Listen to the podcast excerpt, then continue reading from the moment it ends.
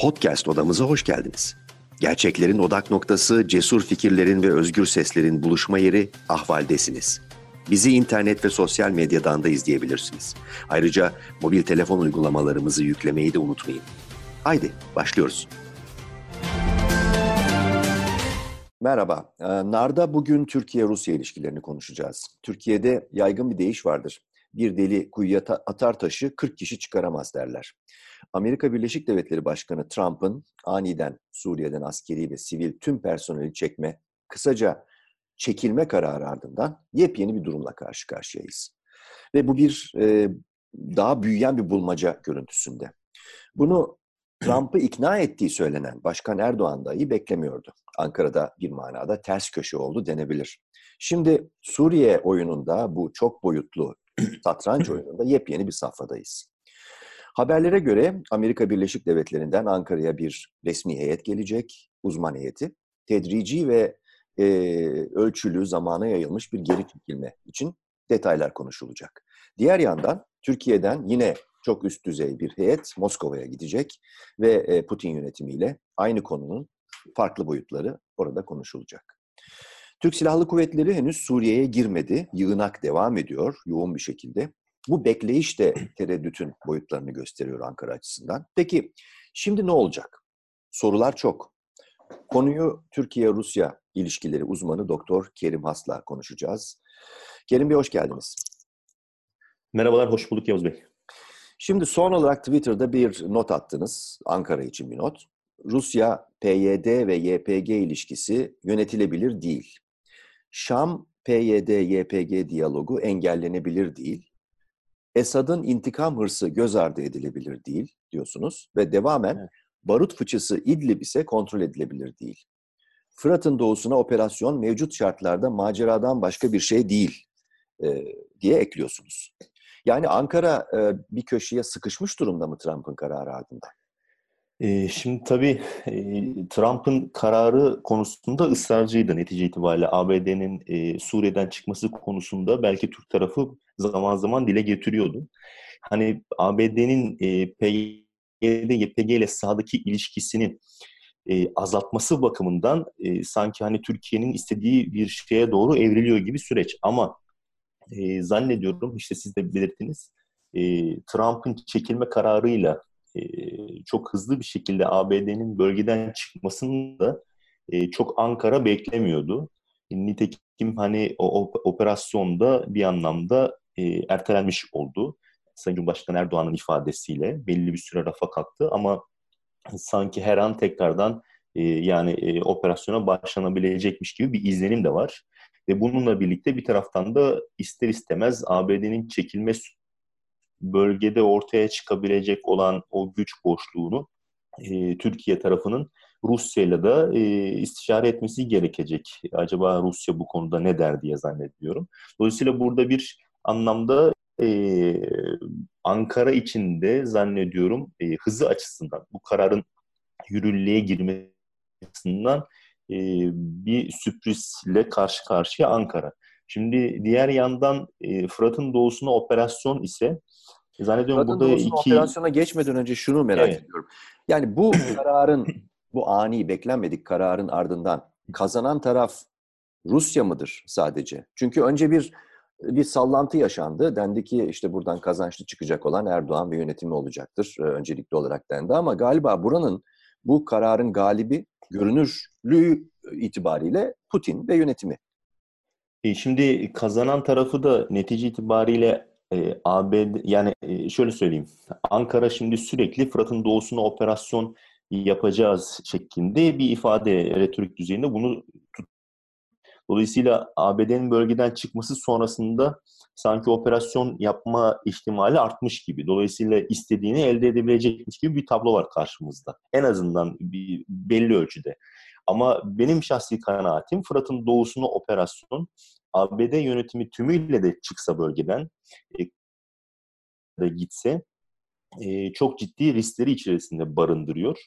E, ve bunun e, bazı konularda işte Rusya-PYD ilişkisi, Şam ile işte biraz önce bahsettiğimiz e, PYD-YPG diyaloğu olsun veya sonrası diğer İdlib'deki mesele olsun bunlar bir şekilde e, çözüme kavuşturulmadan e, Fırat'ın doğusuna operasyonun bölgede olası bir e, kaosu tetikleyebileceğini düşünüyorum. Dolayısıyla Türkiye'nin çıkarları açısından da çok uygun görmüyorum. Yani bağımsız bir Kürdistan için bölgede bir kaosun oluşması gerekiyor.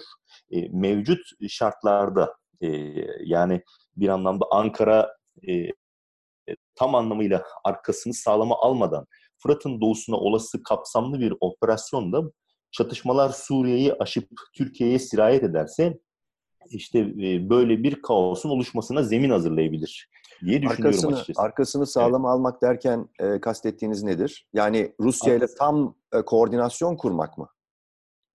Sadece Rusya ile tam koordinasyon kurmak da değil. E, Esad üzerinden belli bir diyaloğun olması gerekir ki e, Esad yönetimiyle PYD-YPG arasındaki müzakerelere de tesir edebilsin. E, işte İdlib meselesinde e, tamamen orada yani her an bir operasyon olabilir. Yani Rusya'dan garanti alması gerekecek. İran'la bir şekilde anlaşması gerekecek. Bugün oraya e, Rusya veya İran desteğiyle bir operasyon önümüzdeki haftalarda, aylarda yapmamasını garanti altına alması gerekecek.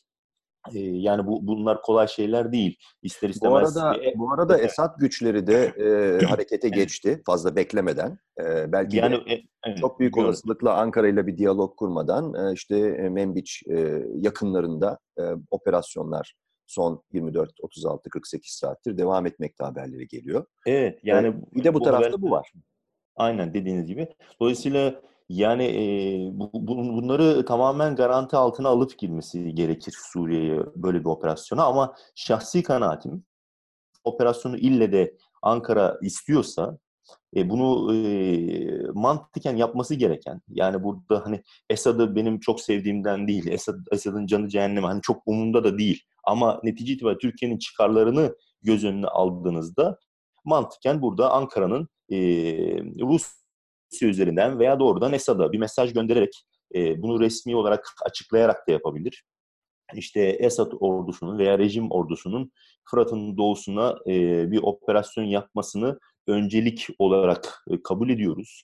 Eğer velev ki onlar operasyonu yapmaz, yapmazlarsa yani Fırat'ın doğusunu kontrolleri altına almazlarsa biz e, o operasyonu gündemimize alacağız şeklinde ifade de edilebilir anlamda rejimle en azından ileride belli bir diyalog kurulacaksa, doğrudan resmi diyalog kurulacaksa buna da zemin hazırlanmış olabilir. Hatta eğer yani bir derece üstü belki burada bir zaman da tayin edilebilir. Yine Rusya ile belki danışarak da olabilir. Yani diyelim ki 3 ay içerisinde, 2 ay içerisinde rejim bu rolü altına alsın. Zaten yani alsın ve biz de onu arkadan destekliyoruz. Bunu aslında Türkiye tarafı biliyorsunuz Irak Kürt bölgesel yönetimi referandumu sonrasında işte Bağdat, Tahran ve Ankara anlaşarak böyle bir geçici bir ittifak kurarak referandum sonuçlarını tersine çevirmişti. E benzer şekilde burada ona da gidebilir. PKK veya PYD, YPG tehdidi netice itibariyle Türk düzeyinde en azından Ankara için daha büyük bir tehdit olarak kabul ediliyor. Dolayısıyla burada buna gidebilir. Esad ordusunun e, Fırat'ın doğusunu kontrolü altına almasını teşvikçi bir pozisyon takınabilir. Bu bence Türkiye'nin çıkarları açısından daha uygun olur. Nitekim netice itibariyle o, o bölgede kontrolü altına girdiğinde, Şam'ın kontrolünü ne girdiğinde bir anlamda e, 2011 öncesine dönüş olmuş olacak yani Suriye açısından. O, Dolayısıyla bu, evet bu, bu bu bu gerçekçi bir bakış açısı gibi duruyor. O zaman e, yani e, Suriye'deki silahlı Kürt birimleri YPG e, açısından da e, bölgeyi e, Türkiye yerine e, Esad rejimine terk etmek veya anlaşarak e, o orayı koordineli e, kontrol altında tutmak daha e, gerçekçi gibi duruyor o Suriye Kürt hareketleri açısından da. Şimdi zaten netice itibariyle eğer ABD yönetimi bölgeden tamamen çıktığı takdirde çok büyük ihtimal Suriye'deki Kürtlerin e, 2011 öncesinden yani çok da fazla idari, sosyal, ekonomik, kültürel haklar bakımından kastediyorum yani bir tık ötesinde olacak, bir tık iyi e, duruma gelecek belki. Yani Rusya netice itibariyle Türk Kürtleri tamamen görmezden gelmeyecek. Onların bazı haklarının verilmesi diye düşünüyorum. Şam, Şam'dan böyle bir e, yani istekte talepte bulunacak. Nitekim bunu biliyorsunuz 2017 Ocak ayındaki Astana ilk ilk Astana görüşmesinde anayasa taslağı da sunmuştu. E, Kürtlere kültürel kültürel özellik verilmesi konusunda bir maddede içeriyordu bu taslak. Dolayısıyla hani öncesine dönüş derken e, tamamen Kürtlerin yok sayıldığı bir Suriye değil, ama e, çok demokratik de değil. Netice itibariyle Rusya e, Suriye'ye demokrasi getirmek için de girmedi. E, yani e, be, belli bazı haklar belki kültürel planda, sağlık, ekonomi e, veya işte kültür alanında bazı artacağı, idari belki çok kısmi açıdan artabileceği bazı bir, bir tablo oluşacak. Bu Türkiye'nin çıkarları açısından uygun mu? E, netice itibariyle ABD'nin e, çok daha fazla işte çekilme kararına kadar Ankara'nın e, arka yani düşüncesi neydi? ABD bölgede bir maksimum özellik öngören Kürtlere bir bölge kurulması istiyordu. E bu, bu, bu seçenek bir anlamda dışlanmış olacak eğer Trump yönetimi bu kararı uygulayabilirse, e, Suriye'den çekilirse. Dolayısıyla hani Rusya'nın e, Kürt vizyonu da yani çok bir hani vizyon derken demokratik bir vizyon kastetmiyorum. Dediğim gibi Rusya Kürtlere veya bölgedeki Kürt sorununu çözmek için Suriye'ye müdahil çözebilecek bir kapasiteye de sahip olduğunu ben düşünmüyorum. E, demokrasi getirmek için de e, müdahil olmadı. Hatta tam tersine zannediyorum 2021 sonrasında tabii şu andan öngörmek çok e, kolay değil ama e, muhtemelen Esad'la yola devam etmek isteyecektir Rusya tarafı. Hatta e, o 2011'den daha da güçlü bir şekilde dönmesi söz konusu. Benim şahsi kanaatim büyük ihtimal böyle olacaktır diye düşünüyorum mevcut Rusya'nın. Rusya'nın evet. öncelikler burada yeni yeniden gündeme masanın evet. masanın üzerine geldi. Yani Trump'ın önceliği askerleri işte Amerika dışındaki askerleri geri çekmek her şeyin önüne geçti. Yani dolayısıyla DAEŞ, IŞİD ile mücadelenin de bir anlamda önüne geçmiş oldu. Trump demiş oldu ki kuyuya taşı atarken yani ne haliniz varsa görün Rusya'ya. benim orada işim olmaz. mücadele edeceksiniz ve siz orada mücadele edin. Her ne kadar Fransa, İngiltere falan biraz vozurdandılarsa da onlar da işte çok küçük miktarda askeri birimlerini orada tutmaya devam ediyorlar ama onların geleceği biraz daha bulanık ne olacağı belli değil onlar açısından. Belki onlar da çekilmek zorunda kalacaklar. Ama burada önemli olan Rusya'nın öncelikleri ve Türkiye'nin öncelikleri. Demin onu anlattınız. Yani Türkiye'nin önceliği e, her ne kadar Başkan Erdoğan e, bırakın ben DAEŞ'le mücadeleyi ben yaparım, bunu hallederim dediyse de bu şüpheleri uluslararası anlamda asla giderebilmiş değil. Yani daha önceki Suriye politikasının devamının geleceğinden kaygı duyan çevrelerin sayısı hayli kabarık. Yani buna öncelik vermez. Böyle sözler edilir ama sonuçta yine Erdoğan bildiğini okur diyebileceğimiz bir şey var, algı var. E, Kürtler önceliği Türkiye'nin. Yani Suriye Kürtlerinin evet. orada bir e, yerel yöne, öz yönetim biçiminde bir şey kurmasını engellemek, oraya orada kök salmalarını engellemek e, resmi de facto anlamda. E, Rusya'nın önceliği ne peki? Rusya'nın önceliği hala e, IŞİD ve DAEŞ açısından e, bir bir önem taşıyan bir boyut var mı? Yoksa Rusya'nın önceliği e, her şeyden önce e, Suriye'nin toprak bütünlüğünü e, korumak ve e, Esad rejiminin meşruiyetini yeniden tesis etmek mi? E, şimdi zaten ABD yönetiminin e, bölgeden çıkması bir anlamda Esad'ın meşruiyetini çok daha fazla arttıran bir durum olacaktır zannediyorum. E, yani artık Esad'ı devirme gibi bir hedef gütmeyecektir diye düşünüyorum Washington. Rusya'nın önceliklerinden bir tanesi buydu. Daha doğrusu en temel önceliklerinden bir tanesi buydu. Suriye'nin devlet yapısının korunması ve bununla birlikte e, rejimin meşruiyetinin sağlanması, yeniden sağlanması. E, bu da büyük ölçüde sağlanmış gibi görünüyor. E, yani bu, bu şu, daha doğrusu şu andan önce bile yani son bir yıldır belki iki yıldır bu sağlanmış görünüyor büyük ölçüde.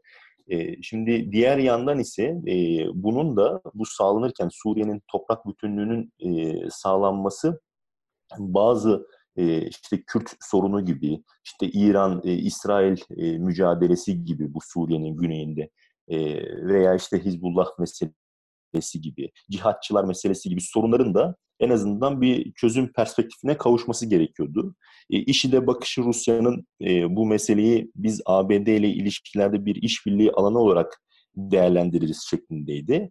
Nitekim bu konuda da e, bir ilerleme sağlandı. Yani netice itibariyle ABD ile Rus askerleri sahada ciddi bir e, iletişime geçtiler Suriye'de ve olağanüstü hani sıra dışı bir kaza yaşanmadı iki ülke arasında.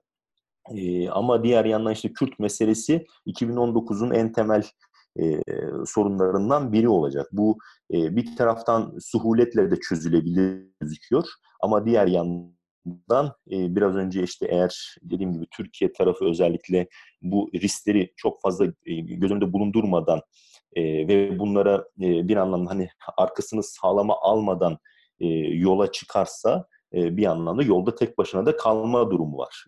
Ve burada özellikle hani kastettiğim de bölgeden çıktığı takdirde Rusya'yı uzun vadede yani kısa vadede değil sadece operasyona başlarken değil uzun vadede de e, yani operasyon başladıktan sonra Rusya PYD müzakereleri daha geçen hafta yani bu geçtiğimiz birkaç gün içerisinde PYD heyeti e, Moskova'ya geldiler, görüşmelerde bulundular. İşte Şam e, PYD görüş bunları en azından e, vakıf olabilecek düzeyde ve belli oranda da kontrole yönet, yönetebilecek şekilde. Bu da çok zor. Bu, bu çok bana mümkün gelmiyor ama hani Rusya'yı uzun vadede arkasına almadan Ankara hani Fırat'ın doğusuna operasyona girişirse işte çıktığı yolda tek başına kalma gibi bir riskle karşı karşıya. Bunu bu, bu önemli bir risk. Çünkü ister istemez günün sonunda e, Suriye'ye, Fırat'ın doğusuna da girseniz siz e, kısmi bir operasyonla operasyon yap, yapsanız da yani buna belki Rusya çok ses çıkarmayabilir. Hani e, sınır hattı boyunca belki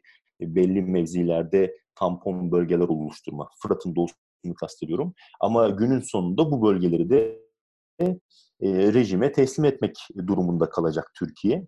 E, ve e, ABD bölgeden çıktığı için Rusya ile eğer dediğim gibi uzun vadede bu konuda tam anlamıyla üzerinde anlaşmadan süresiydi veya askeri olarak angajmanıydı Türkiye'nin bölgede. E, o zaman e, Rusya'nın da desteğini yitirdiği takdirde işte e, Türkiye ne yapacak bir anlamda uluslararası camiada işgalci bir devlet e, statüsü veya ne diyelim artık rolü e, çok ciddi anlamda bir tartışmaya açılacak, açılabilir.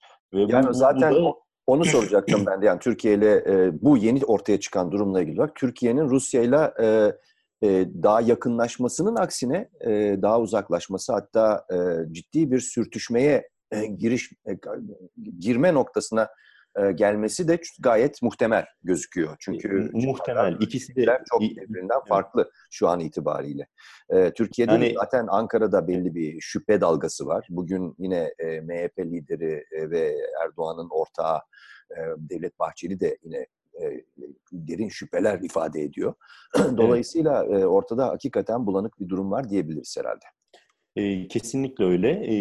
dolayısıyla yani Türk e, Fırat'ın doğusuna hani operasyon yaparken sadece başlayan operasyona başlayana kadar bir janglörlük işte e, yapmaması gerekecek sadece. Havada top operasyon başladı. Evet. evet, havada top çevirme. Yani bu bu birbirleri arasındaki birçok aktörün birbirleri arasındaki ilişkileri vakıf olmadı ve belli ölçüde de kendi çıkarları ekseninde e, yani oraya kanalize etme. Yani bu, bu, bu kolay bir şey değil. Şimdikinden çok daha zor bir süreç olacak.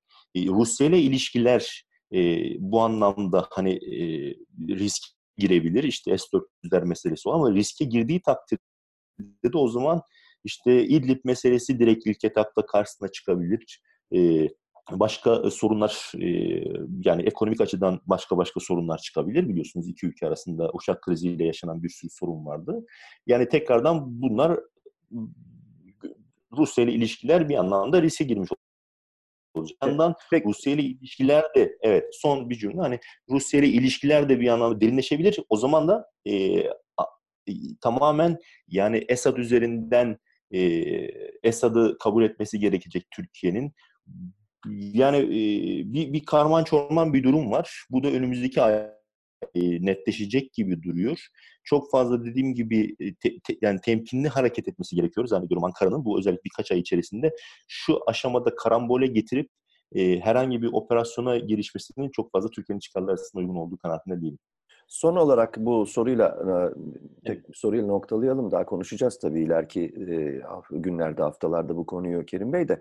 Bir boyutu tabii şimdi Türkiye acaba e, Suriye'nin gelecek e, siyasi tablosunu etkilemeyi, etkileme ihtimalini e, bu üçlü anayasa görüşmeleri üzerinden yapmayı umuyor olabilir mi? Ona beklentilerini bu tarafa doğru yığmaya başlamış olabilir mi?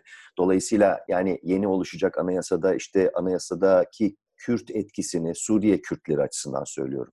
Bir şekilde zayıflatma, kendi çıkarları doğrultusunda, Türkiye'nin çıkarları doğrultusunda, şu anki yönetimin belirlediği çıkarlar doğrultusunda e, azaltma e, umudunda olabilir mi? Peki e, eğer böyleyse, e, bu anayasa görüşmeleri ilerlerse, e, bu da ayrı bir soru işareti.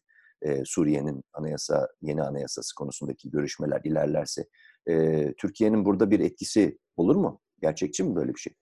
Şimdi anayasa görüşmelerinin e, Türkiye açısından veya iyi şekilde şekillenmesi için e, Ankara'nın sahada, Türk ordusunun Suriye'de sahada yıpranmaması gerekiyor askeri olarak.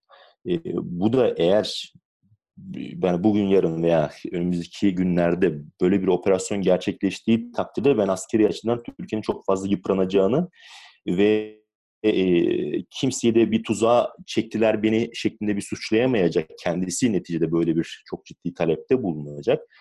Bulunduğu için de bu konuda çok fazla kişiyi de suçlayamayacak. Dolayısıyla e, anayasa e, yani diplomaside masada kendi çıkarlarınızı e, için diğer taraflara askeri açıdan sahada yıpranmamanız gerekiyor benim gördüğüm kadarıyla e, şu an itibariyle doyum noktasına varmış durumda. Türkiye tarafı zaten e, PYD, YPG konusundaki taleplerini belli ölçüde Moskova'ya e, kabul ettirebiliyor. Yani bu, bu, bu görünen bir şey. Dolayısıyla bunu niye e, ille de tekrardan e, Türkiye'de, şey, pardon Suriye'de Türk ordusu e, günün sonunda Fırat'ın doğusu da dahil olmak üzere eğer girdiği takdirde bu toprakları rejime devredecekse o zaman niye e, rejime bir taşeronluk tabiri caizse e, gibi bir rol üstlenmek istiyor şu an. Yani bu, bu çok açıklanabilir bir şey değil. Dolayısıyla e, e, burada bir yıpranma da söz konusu olacak.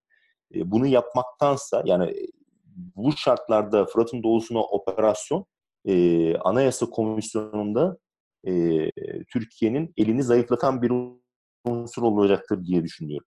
Ama e, dediğim gibi Esad'ı e, Rusya üzerinden teşvikçi edip yani ille de PYD, YPG bir operasyon yapılacaksa bunu Esad yapsa daha mantıklı. Böyle burada oraya bir operasyon veya operasyon yapmasa bile müzakerelerin en azından e, Türkiye'nin çıkarlarını da gözeten bir şekilde sonuçlanması konusunda teşvikçi bir tutum takınırsa Ankara e, bu daha mantıklı. O masada e, işte Anayasa Komisyonu'nda zannediyorum Türkiye'nin elini çok daha güçlendiren bir unsur olur diye e, yani düşünüyorum. Dolayısıyla bu Anayasa Komisyonu'nun çalışması e, hali hazırda e, Fırat'ın doğusuna kısa vadede işte Ocak ayında biliyorsunuz zannediyorum bir Anayasa Komisyonu çalışmaya başlayacak. E, eğer böyle bir operasyon gerçekleşirse Anayasa Komisyonu'nun çalışması da e, zannediyorum zora girer. E, ve işte operasyonun e, kapsamlı mı yoksa e, sınırlı mı olacağına e, göre şekillenecek bir e, müzakere süreci başlar diye düşünüyorum. Yani Anayasa Komisyonu çerçevesinde. Peki, e, Suriye manzarası Trump'ın kararı ardından e, Türkiye'nin e, pozisyonu, Rusya'nın pozisyonu, Türkiye-Rusya ilişkileri ve genel e, bölgesel dış politika e, hamleleri üç boyutlu, belki beş boyutlu, belki daha çok boyutlu bir satranç ile karşı karşıyayız. Bu değerli analiz için çok teşekkürler Doktor Kerimaz. Ben teşekkür ederim. Sağ olun. İyi yayınlar.